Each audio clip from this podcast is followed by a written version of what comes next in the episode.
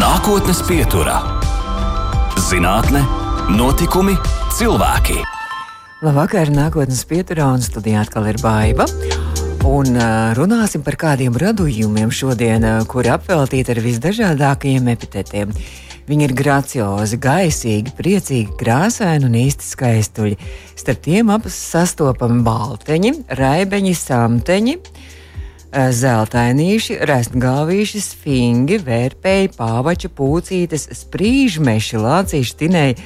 Arī zilenīšiem raksturīgas lielas, gan arī pussfēriskas acis, garas posmainas antēnas, snūcējs, snuķis, trīs pāri kāju, uz kurām atrodas garšas receptori, to spārnus klāj epidermālās izcelsmes zvīņas, un izrādās, ka pieaugušie eksemplāri praktiski nēd, tikai dzer.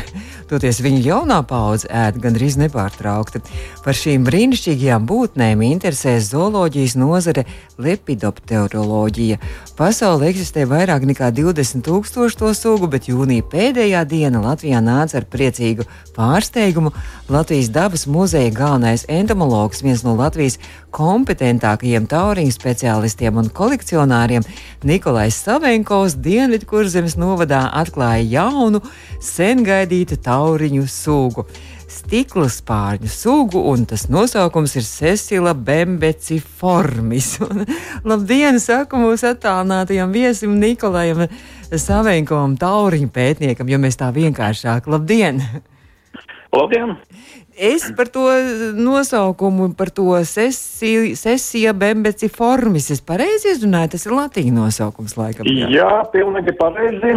Nu, zinātnieki, lai Ehm, zinātnieki no daudzām valstīm nu, varēja saprast viens otru bez kādam kļūdam, ja viņi izmanto latiniskos nosaukumus, kur, kuri um, parastiem cilvēkiem skan diezgan dīvaini.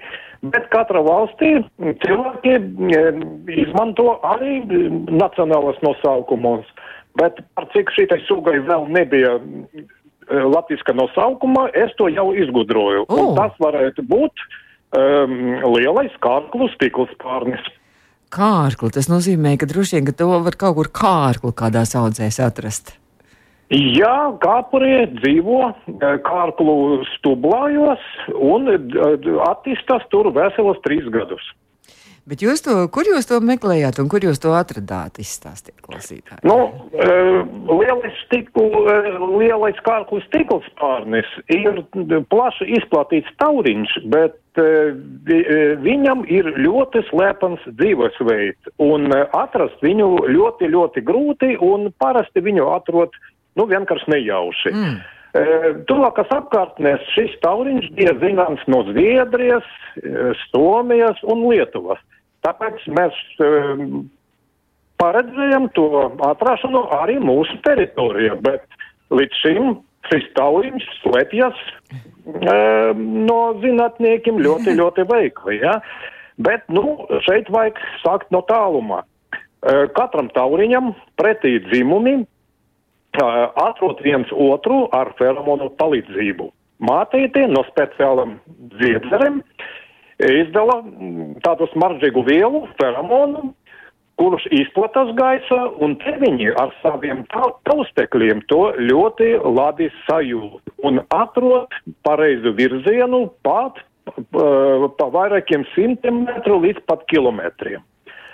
Zinātnieki, kad izanalizē tos, to ķīmisko struktūru, ķīmisku formulu, Atsevišķos gadījumos var sintēzēt tos feromonus mākslīgi. Un tos mākslīgos feromonus var izmantot, lai atrastu to sugu. Man izdevās dabūt uh, kārklu stikla spārne feromonu. Es to biju uzstādījis vieta, kur es to paredzēju, papes apkārtnes pie papes ezera, un nākamajā dienā Lamatās es atradu vairākus stāviņus Tie bija teviņi, kuri atlīdoja oh. uz to mākslīgo smaržu. un, un jutās vīlušies droši vien, jo neatrada tās mammas. nu, jā, jā, tad viņi trāpīja tā entomologa rokas. Bet entomologs savukārt uh, jutās ārkārtīgi laimīgs, droši vien un gandarīts. Un, Un, un, un kā, nu, kāds ir tās sajūtas, ka jūs tomēr prognozējāt un tiešām arī ieraudzījāt un atradāt Nu, šo protams, man, man bija laimes sajūta, jo Latvijas eh, tauriņu fauna skaitas izpētīta diezgan labi. Tāpēc uh, katru gadu mēs atradam ne vairāk par desmit uh, tauriņu sugu mūsu teritorijā. Nu, kāpēc pat tik daudz, kāpēc visu laiku nāk jauni tauriņi? Lieta ir tāda, ka uh, tauriņu izplatības areāls nav kaut kāds tāds uh, pastāvīgs, jā. Uh, jo at, at, atkarīgi no klimata maiņas, citiem apstākļiem uh, areāls mainās visu laiku. Ja? To maina arī cilvēka, cilvēka saimnieciska darbība, pie mums ieviešas citas sugas kopā ar dekoratīviem augiem un tā tālāk. Un tāpēc visu laiku pie mums parādās kaut kādas jaunas sugas. Nu, bet šī jaunā suga, ko jūs atradāt, kāda bija kārklu? Kārku, jā, lielais kārku stikls pārnis. Jā. Nu jā, viņš ir interesants ar, interesants ar to, ka šī suga dzīvo, dzīvoja pie mums visu laiku, no seniem laikiem. Ah. Nu, vienkārši viņa tāds ļoti slepens dzīvesveids Ah. un, un, un, un viņa tā ļoti veikli slēpjas no, no mūsu stikleņiem. À, tagad jums bija nojauta, ka jābūt ir, bet, bet uh, nekad, Jā. nekad Latvijā vēl nebija vispār atrasts šā, šī suga. Jā, jā, jā, jo tauriņš, nu, kādas ir metodas? Tad Tauriņš sēž apmeklē ziedus, tad ar tikliņu to var noķert. Stikls parnes ziedus neapmeklē. Uh, uz gaismu nelīdo. Un starp citu interesanti, tauriņam ļoti savdabīgs izskats. Viņš atgādina um, Tik um, plēvspārnus, kuram ir dzēlonis, sirseņus. Viņi ir tāda paša lieluma, bet, nu, protams, nedēļ. Tāpēc korespondenti, ku- kuri rakstīja par šo eh, tauriņu sugu, ko es atradu, viņam bija pirmais jautājums, vai šis tauriņš nav bīstams cilvēkiem, vai viņš dēļ. Tāpēc, kad viņi ieraudzīja fotografiju, viņi pat šaubies, vai tas ir tauriņš. Bet kā to var atšķirt? Kā, kā var zināt? Varbūt ka mēs arī domājam, ah, tas ir sirdsapziņas, bet īstenībā tas ir kaut kāds, tas ir šis retais tauriņš. Tā nevar būt. Nu, tu, principā, nu, tu, tu, tu vajag aplūkot e, fotografiju, un tā, mm -hmm. principā, cilvēkam tā atšķirība ir, būs ļoti acimredzama, ja? Mm -hmm. Kā sirseņam arī ir, viņam ir e, dzelonis, ko var, var redzēt, viņam ir cita taustekļu forma, citas acis, viņš e, tā ļoti tā izdala, iz, iz, iz, nu, izdala tādu skāņu, kad lido, nu, tauriņš lido praktiski bez skāņas. Aha, jā, ir tā kā lidmašīnas. Atšķirību būs daudz, jā. Bet nu, tātad tauriņš ir miermīlīgs un nav, nav bīstams cilvēkiem. Jā, jā, viņš ir miermīlīgs. Nu, tad par šo sugu vēl nedaudz. Um, parasti tauriņiem laikam tā tie kāpuri uh, pa ziemu, jā, mm, viņi tur dzīvo kā kāpuri, un tad viņi pārvēršas par tauriņiem pavasarī. Šim, šim um, tauriņam kāpuru stādijā ir ilgāka. Jā, tas ir viens no tādiem izņēmumiem e, tauriņu pasaulē, kad kāpurs attīstās veseles trīs gadus. Mm -hmm, tas nozīmē, ka viņš tur tajā kārklu, tajā mizā tur visu laiku arī uzturās un dzīvo. Jā, jā, jā, viņš tur barojas ar augu sulu, bet dzīvo ļoti attīstās ļoti ilgi. Vai uh, viņš arī kaut kā bojā šos kārklus, vai, vai viņš ir arī draudzīgs arī dabai, pārējai Nu, dabai? viņš kāpurs grauž to koksni, jā, un barojas ar augu sulu, jā, bet augs paliek dzīves.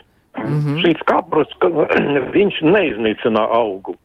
Bet tad, tā, tad turpmāk tas šis kāpuri arī tur droši vien kaut kur arī mitinās, kur jūs tos tauriņus atradāt, tā ka mēs pēc kaut kādiem trīs, četriem gadiem varam sagaidīt, ka izšķilsies vēl tauriņi.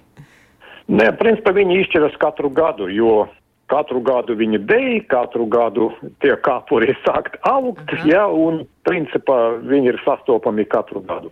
Vai viņu arī var braukt, arī skatīties, arī tā kā cilvēki, vai tas tomēr ir tā uh, cilvēkiem, kas brauc kā ekskursanti, to lūkoties, viņiem to nebūs iespējas ieraudzīt un Tas atrast. nebūs iespējas. Kā es teicu, gan kāpuriem, gan tauriņiem ir ļoti slepens dzīvesveids, mm. un ar parastam metodēm tos atrast nesanāks. Jā, tā kā fantastiski.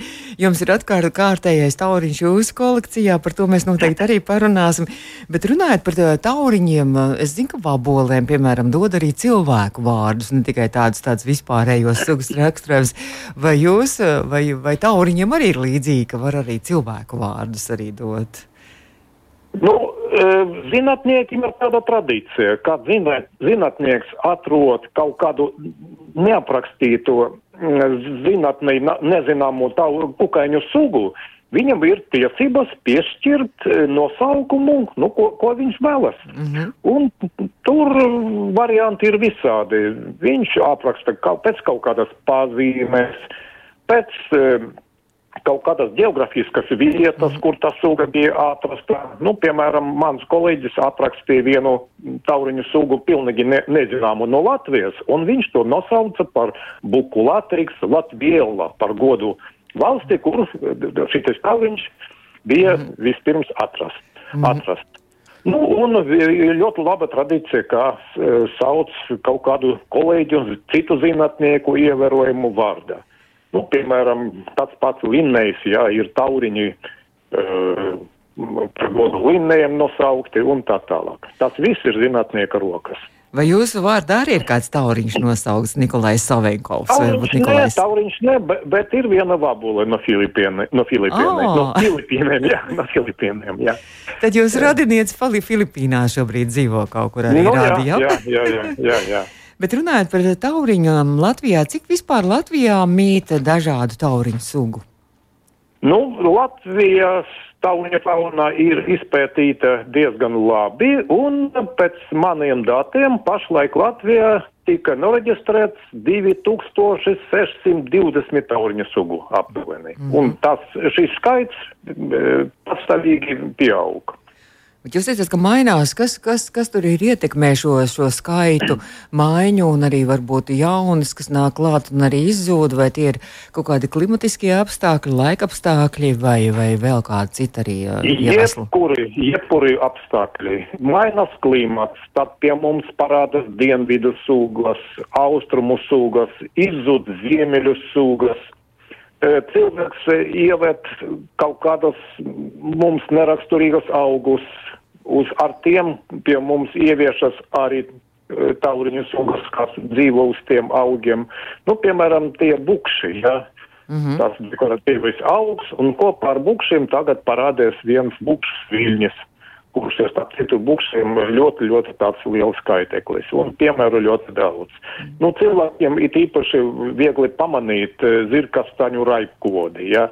Nu, no seniem laikiem Latvijā cilvēki audzē zirkastaņus kā mhm. dekoratīvu koku, ja, bet uh, aptuveni 20 gadu atpakaļ pie mums ieviešas ļoti neliels tauriņš, kurš uzreiz savairojas lielas masas, Un līdz ar to mēs redzam uh, kāpuru darbību rezultātu. Va vasaras beigās uh, zirkastaņu lapas visi ir bojāti. Viņi ir pilnīgi visi klāti ar, ah. ar mīniem, ar alojumiem, ar brūniem tādiem. Ah, tās brūnās, tās brūnās lapas, jā, jā, tas ir jā, jā, vainīgi tauriņi. Mm. Jā, jā, jā. Tauriņš ir ļoti maz, viņam spārnu plētums kādi 6-7 mm tikai.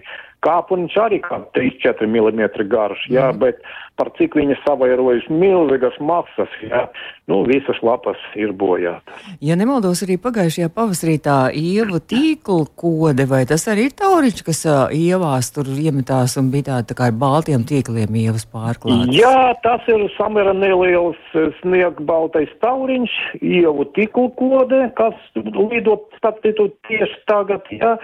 Viņš attīstās uz ielām un kāpurī veido tādas lielas eh, līgstas no tīmekļa, ja. E, nu, tas ir ļoti labs veids, kā lai aizsargātos no iespējamiem uzbrucējiem, plesējiem, ja kāpuri dzīvo tāda kopiena, ja, un visi viņi pārklāja savu to dzīves vietu ar, ar tīmekliem. Nu, atsevišķos gados, ik pa 20 gadiem aptuveni, notiek masveidīgas savairošanas. Nu, tad cilvēki var redzēt, ka ieva stāv pilnīgi bez lapām, mm, jā, visi jā. pārklāti ar tīmekliem un dažreiz ap, apēt lapu tik daudz, jā, ka viņam vairāk pat nav barību, jā, mm. bet ar citiem augiem viņi nav spējīgi baroties, jā, jo viņi partiek tikai no ievu lapām. Mm -hmm. Vai ir arī cilvēkiem kādi tauriņi, kas ir bīstami cilvēkiem? Nu, ja runā par Latviju, tādu tauriņu praktiski nav. Nu, vienīgais e, varētu būt zināmā mērā bīstami cilvēkiem ar alerģiju, e, tāpuri, kam ir gari matiņi un matiņi tauriņi. Jo tie matiņi, kad viņi krīt nost un pacelās gaisā, viņi vai, var izraisīt alerģisku reakciju. Mm -hmm. Nu, tas ir praktiski viss. E, viena suga, kur ir izplatīta Eiropas dienvidos un ziemeļos, viens no vērtējiem. Viņš e, izraisa ļoti stipru alerģiju, bet Latvijas fauna šīs tauliņas pagaidām nav atrasts. Bet, piemēram, ik pa vīdim tur rietum Vācija, Holanda, Beļģija, tā puse. E, tauriņš ik pa brīdim savērojas masas, un tad uh, tiek pasludināts, kā cilvēkiem ar alerģiju vajag pieņemt kaut kādas, kaut kādas mēras, lai sevi pasargātu no iespējamiem tādiem alerģisku reakcijām. Vai tauriņi vispār dara arī kaut ko labu, un tikai izņemot to, ka skaisti daudz no viņiem skaisti izskatās un priecē mūsu acis? Nu, grūti pateikt uz šo jautājumu. Jā, nu, no cilvēka viedokļa uh, Nu, starp citu, cilvēks jau no seniem laikiem izmanto zīta vērtēju, jā, zīta tauriņu. Ah, nu jā. Tas kā labums, jā. Nu, estetiska puse no tauriņiem arī ir tam nozīme, bet, nu, vairāk ta tauriņus atzīmē, kā starp tauriņiem ir kaitīgas sugas, jā. Mm -hmm. Tāds, jā, bet nu, no otras puses katrai būtnei ir savas tiesības uz eksistēšanu. nu, droši vien arī savs uzdevums tomēr. Arī, ne? bet redziet tā, varbūt tā viņš var būt neitrāls uh, tieši cilvēkam, jā, bet jebkuras dzīves organisms ir, ir ievilkts uh, barības ķēde, jā. Mm. Tātad gan tauriņi, gan viņu kāpuri ir barība citiem kukaiņiem, pūtniem, sikspārniem, ķirzakam, vārdiem un tā tālāk zīvim, ja, un no tā, principā, cilvēkam ir labus, labums, ja, jo ekosistēma būs stabila, ja, kamēr ir tauriņi, tad būs barība kaut kādiem dzīvniekiem. Tad tauriņi ir tāda neliela, bet ļoti svarīga daļa uh, mūsu dabā. Mēs turpināsim mūsu sarunu pēc brīža. Latvijas dabas muzeja galvenais entomologs, viens no Latvijas kompetentākajiem taurijas speciālistiem, kolekcionāriem Nikolais Sāvenkovs, ir mūsu šodien nākotnes pieturas viesis. Nākotnes pieturā - zinātne, notikumi, cilvēki. Arī vakars tiešām nākotnes pieturā vēl nebūtu no galā. Mūsu raidījumu mēs turpinām, un šo raidījumu pēc tam varat arī mūsu mājaslapā, audio saitē, arī podkāstos, lielākajās vietnēs arī noklausīties. Mūsu viesis šodien Latvijas dabas muzeja galvenais entomologs Nikolais Savenkovs, kurš 30. jūnijā atklāja jaunu tauriņu Latvijā sugu, un mēs turpinām par uh, Nikolai atklājumiem, un Nikolai, uh, tad jūs devāties jūnijā uz papes pusi, uz, uz Rucaus pagastu, bet jūs esat, man liekas, pusi pasauli droši vien apbraukājis arī tauriņu meklējumos, eh, dažādās ekspedīcijās? Nu, nu, galvenais man tomēr ir Latvija, jo nu, mani pirmie soļi ar tauriņiem, ar tauriņu izpēti bija tieši Latvijā. Es esmu pētījis praktiski visas aizsargājamas teritorijas Latvijā, un man ļoti patīk joprojām apmeklēt Lītere, Morits salu, ķēmeri, ah. pāpi, ilgas pie Šķaunes ozu, Krustkalnu rezervātu, Teiči un tā tālāk. Pie mums tik daudz ļoti, ļoti skaistu vietu, jā, un vajag, par cik tā ir aizsargājuma teritorija, nu, vajag zināt, ko, ko lai tur aizsargātu, kādi mm. tauriņi tur dzīvo. Tad jūs arī sastādāt droši vien arī kaut kādu katalogu, arī darbojaties tajā Latvijas tā saucamajā sarkanajā grāmatā, ko, ko, ko arī tur veido šobrīd daudz dažādu nozaru zinātnieku, lai arī um, ievietot arī šos aizsargājumos dzīvniekus un augus. Jā, es tagad esmu iesaistīts uh, jaunas Latvijas sarkanas grāmatas izstrādāšanā, un mēs tagad strādājam ar uh, kukaiņu sugu izvērtēšanu, ja, kurus ir nepieciešams aizsargāt. Mm -hmm.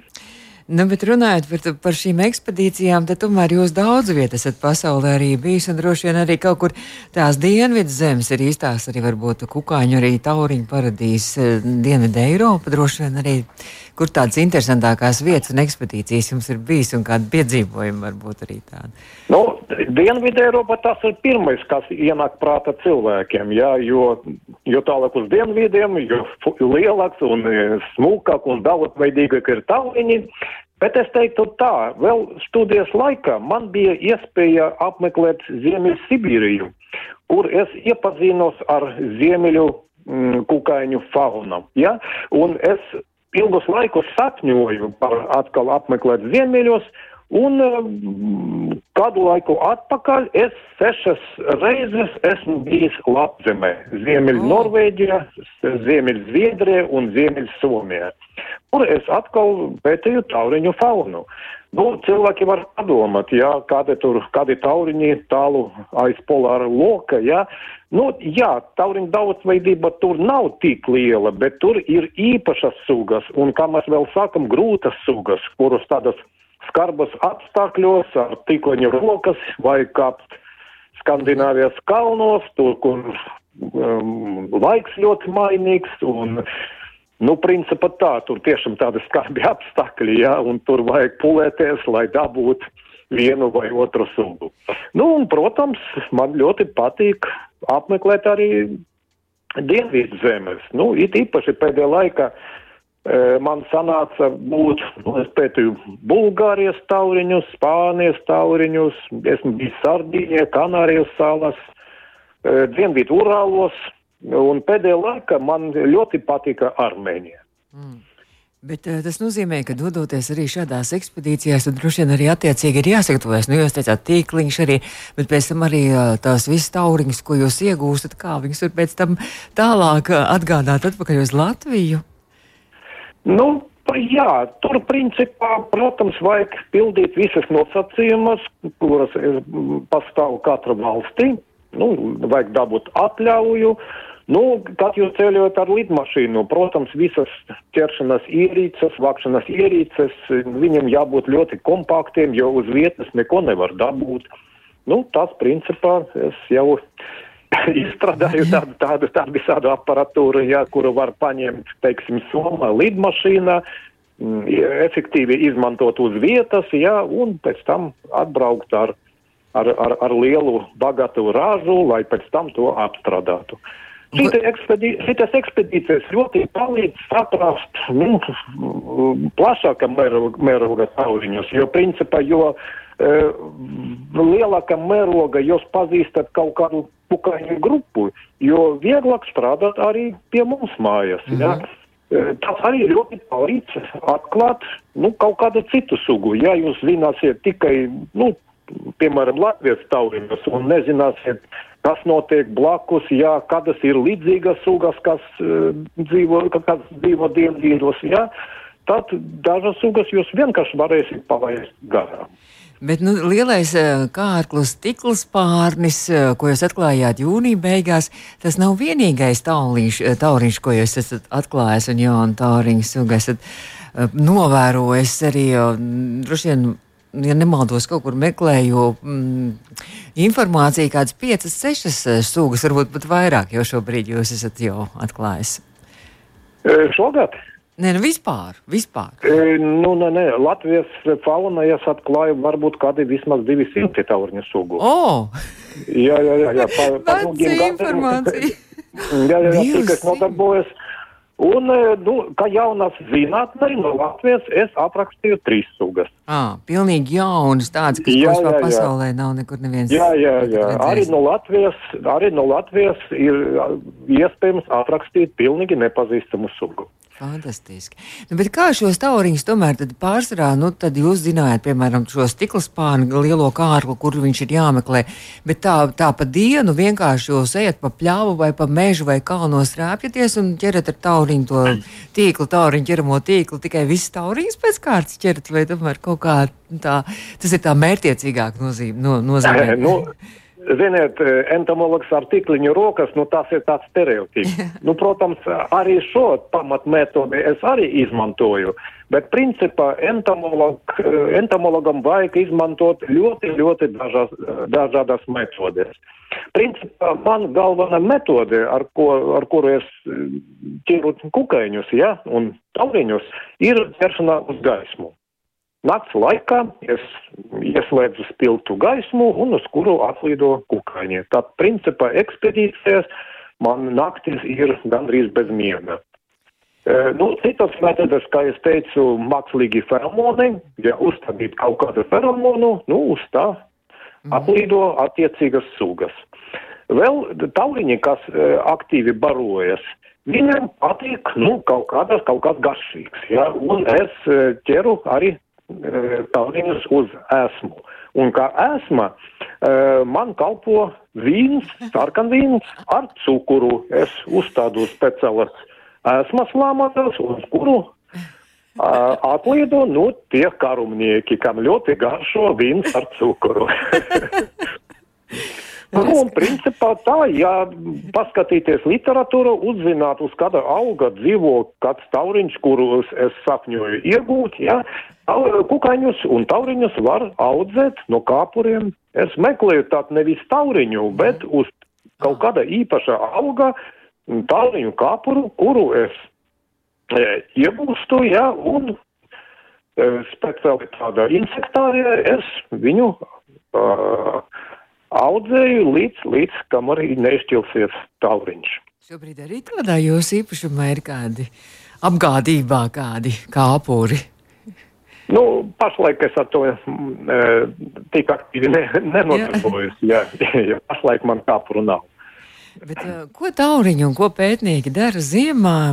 Jūs tad jau droši vien ekspedīcijās nevarat braukt, un ziemā droši vien arī tauriņi guļ. Nu, tā nevar pateikt. Ir tomēr uh, zemes, pat Eiropa, jā, kur nav sniega, un tur var uh, vākt tauriņus. Jā, bet principā ziemas laikā mēs pārsvarā apstrādājam materiālu. Mm -hmm. Tauriņi jāplakšķo pēc īpaša standārta. Uh, un ziemas laiks tiek izmantots uh, noteikšanai, materiāla noteikšanai. Un droši vien arī to kolekciju veidošanai un papildināšanai. Jā, kolekcijas veidošana, materiāla šķirošana, vajag apmeklēt kolēģus, jo cik gudrs uh, entomologs jebkurš nav, jā, vienkārši vienmēr vajag konsultēties ar kolēģiem, Jo mm, informācijas apmaiņa tas ir ļoti svarīgs moments e, mūsu, mūsu nu, nevar pateikt, ne, pat nezinu, kā lai pateiktu, vai tas ir darbs, vai tas ir vaļas prieks vai hobijs, jā. Ir zinātne un pētniecība. nu, zinātne, jā, bet mēs, e, mēs vairāk un vairāk e, atradam tādu mm, variantu, jā, ka mūsu visa tā, viss tas darbs, visa tā pētniecība, tas ir vienkārši dzīvesveids. Tas nav ne darbs, ne hobijs, bet vienkārši tāds dzīvesveids. Jo principā mēs nodarbojamies, viss ir pakļauts kaut kā tauriņu. Tauriņiem. Jā, tauriņiem. Jā, jā, jā. Latvijas dabas muzeja galvenais entomologs Nikolais Savenkovs, viens no tauriņa galvenajiem speciālistiem, kolekcionāriem Latvijā un arī pasaulē. Starp citu, par to nedaudz vēlāk, tad arī turpināsim mūsu sarunu. Nākotnes pieturā. Turpinām nākotnes pieturu ar zinātnieku, pētnieku, entomologu, lepidopterologu, Latvijas dabas muzeja galveno entomologu Nikolai Savenko. Nikolai, bet jūs arī esat uh, viens no tiem cilvēkiem, kas arī ir pasaulē pazīstams arī tauriņu pētniecībā, un jūs savulaik arī uh, jūsu pieredze arī novērtēta pasaulē, un Vācijā konkrēti jūs arī piedalījāties Ķīles Universitātes ekoloģijas centra arī veidošanā un tieši arī tauriņu kolekcijas veidošanā laikam savulaik? E, jā, man izdevās satikties ar mm, profesoru Hartmutu Roveku, kurš bija vadošais speciālists Ķīles universitāte, un mums sakas ļoti mm, veiksmīga sadarbība. Nu, kādu laiku es biju Taurija kolekcijas kurators Ķīles universitāte, un pašlaik, cik šās tagad profesors ir pensijā, un šī kolekcija pārgāja uz dabas muzeju. oh, mums tā nonāca mūsu īpašumā. Latvijas nē, nē, nē, mūsu, ne? nē, nē cita, cita, cita muzeja. Ah, ah, Vācijas da dabas muzeja. Ah, Vācijas jā, jā. dabas muzeja. Jā, jā, jā. Ah, ah. Bet kāpēc tieši jūs uzaicināju šo kolekcijas veidošanu? Tur bija droši vien jānosaka dažādas sugas un arī viss pārējais, un, un tas viss arī jāapraksta. Droši vien tas bija diezgan darbietilpīgs. Nu, Nu, viss sakas, ka sakat, vienkārši mani aicināja uz materiāla noteikšanu, pēc tam sadarbība sāk turpināties, un faktiski lielākā daļa no ekspedīcijiem mē, mēs tā kā veicam kopā ar, ar vācu komandu, tā teiksim. Mm -hmm. Jo, nu, jebkura ekspedīcija vienatnē tas ir ļoti sarežģīts pasākums, ja parasti ekspedīcijas dodas kaut kāda mm, zinātnieku grupa. Mm -hmm. Un, nu, kā man bija tik veiksmīga sadarbība ar vāciešiem, jā, principā. Man ir, principā, daudziem, eh, daudzam valstīm, jā, ir tāda cieša sadarbība, jo es esmu arī Spānijas entomoloģijas biedrības biedrs, Somijas, Dānijas un Zviedrijas un mm. Igaunijas. Mm. Fantastiski. Protams, arī Latvijas, vai ne? Jā, tāpēc, tāpēc redzēt, vienmēr ir ļoti interesanti ar citiem kolēģiem kaut kur braukt. Mums veidojas īpaša atmosfēra, nav valodas barjera, jā, jo vienmēr varam atrast kopēju valodu, jā. Tas ir tiešām katra ekspedīcija, tas ir kaut kāds īpašs pasākums.